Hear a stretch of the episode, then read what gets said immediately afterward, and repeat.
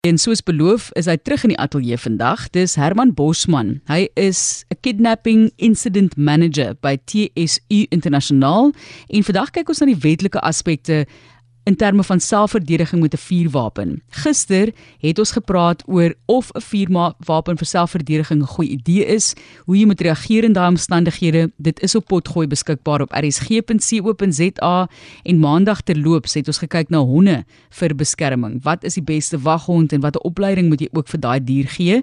Ons gaan môre juis ook praat oor watter opleiding jy benodig wanneer jy besluit om jouself te kan verdedig met 'n vuurwapen. Welkom terug Herman.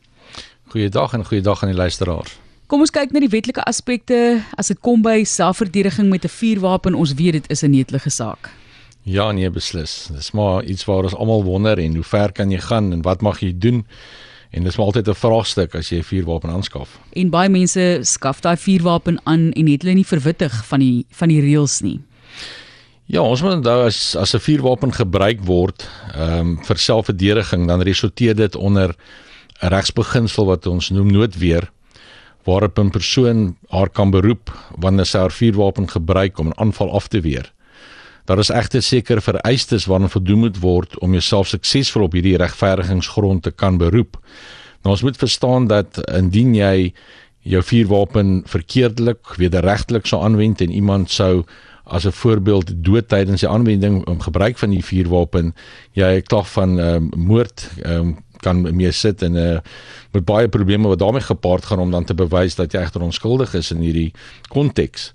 En dit is dan belangrik om te verstaan hoe werk noodweer en en wat behels noodweer. Nou regter Snyman definieer dit dat 'n persoon kan 'n noodweer optree wanneer uh, haar lewe of iemand anders se uh, sy regsbelang beskerm moet word teen 'n wederregtelike aanvalshandeling teen daardie regsbelang. Nou so regsbelang kan jou lewe wees, dit kan eiendom wees.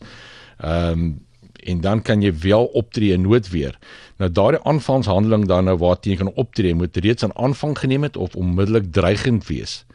En dan mag jy dan wel jouself verdedig en die gebruik van die vuurwapen sal in 'n ekstreme geval van toepassing wees. Daar's baie goed wat 'n mens kan doen voor jy dan nou 'n vuurwapen kan gebruik tydens 'n aanval.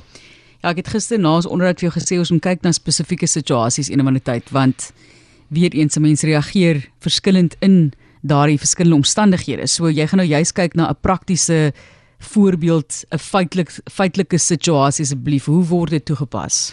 Maar eerstens moet moet jy gaan kyk en en vir jouself dit duidelik hê dat daar is 'n wederregtelike aanval.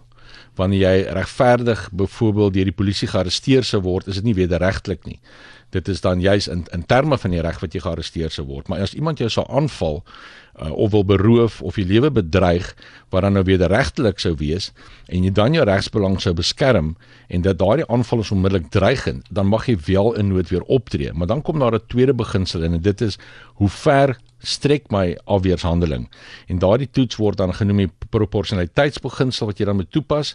Met ander woorde, die afweershandeling moet in verhouding wees tot die aanval en slegs genoeg geweld kan gebruik word om die aanval af te weer.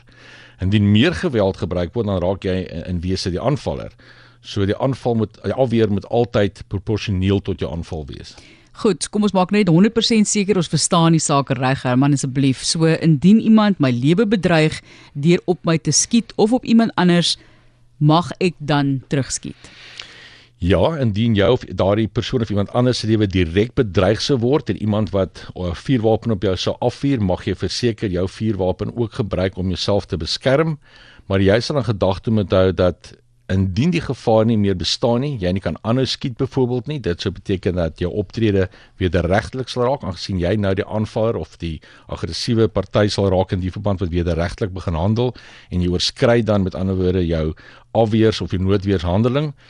Ehm um, en dan is dit nie meer proporsioneel tot die aanval nie. So so dit is altyd 'n beginsel wees van minimum geweld en dan ook moet ons altyd baie mooi daarop fokus dat wanneer jy jou vuurwapen gebruik, is daar omstanders Uh baie versigtige aanwending van 'n vuurwapen is 'n groot verantwoordelikheid wat op jou rus om so 'n vuurwapen dan aan aan te wend of te gebruik. Ons hoor gereeld dat mense ja, vuurwapens gebruik wat nou nie regtig 'n vuurwapen is nie, replika. Ek wil sê 'n fopwapen, maar dit klink bietjie vreemd. Maar 'n replika wapen gebruik 'n speelgoed geweer of hoe dit ook al sê, wat gebeur as ek op iemand skiet wat dit gebruik het om my te dreig? ons reg het al redelik daarmee gekonfronteer gewees en en dit word dan gedek deur 'n beginsel wat pitatiewe noodweer genoem word. Nou noodweer skakel wederregtelik uit van 'n misdaad wat 'n objektiewe maatstap is wat toegepas word. Ons kyk met ander woorde na die feite en net na die harde feite alleenlik, nie wat jy gedink het nie en dan dit word oorweeg in noodweer. Maar in geval van pitatiewe noodweer word opset uitgeskakel en word dan, dan gekyk na wat was die bedoeling? Wat is in daardie persoon se kop op daardie stadium toe hy of sy gedink het dat hierdie vuurwapen is 'n werklike vuurwapen? Ehm um, en dan sal die howe natuurlik daai subjektiewe maatstaf baie strenger toepas want dit is nou om vas te stel of dit 'n redelike denke sou wees om die wapen wat dan aangewend gebruik was as 'n werklike wapen te beskou terwyl dit intedeel 'n speelgoedwapen is. En daardie verwarring sal dan baie meer streng geëvalueer word teenoor 'n werklike wapen wat daar op die toneel gevind word.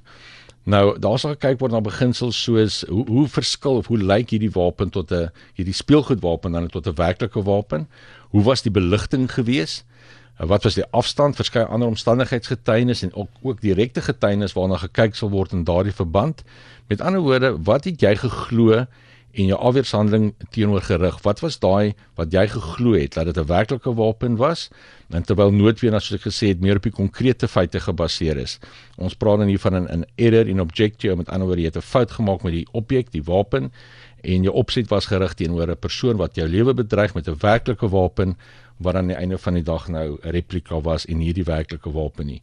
So jy jy kan heel moontlik jou suksesvol dan daarop beroep opleiding baie baie belangrik. Môre praat ons daaroor met Herman Bosman hier in die ateljee en hy is 'n kidnapping incident manager by TSU Internasionaal wat ja, aangebied het om ons hiermee te help. Baie dankie Herman, ons gesels dan môre oor opleiding. Baie dankie, sien uit. Bring maar 'n replika, jy dat jy vir my kan wys hoe hoe maak ons nou? Nee, ons waardeer dit regtig baie baie dankie Herman.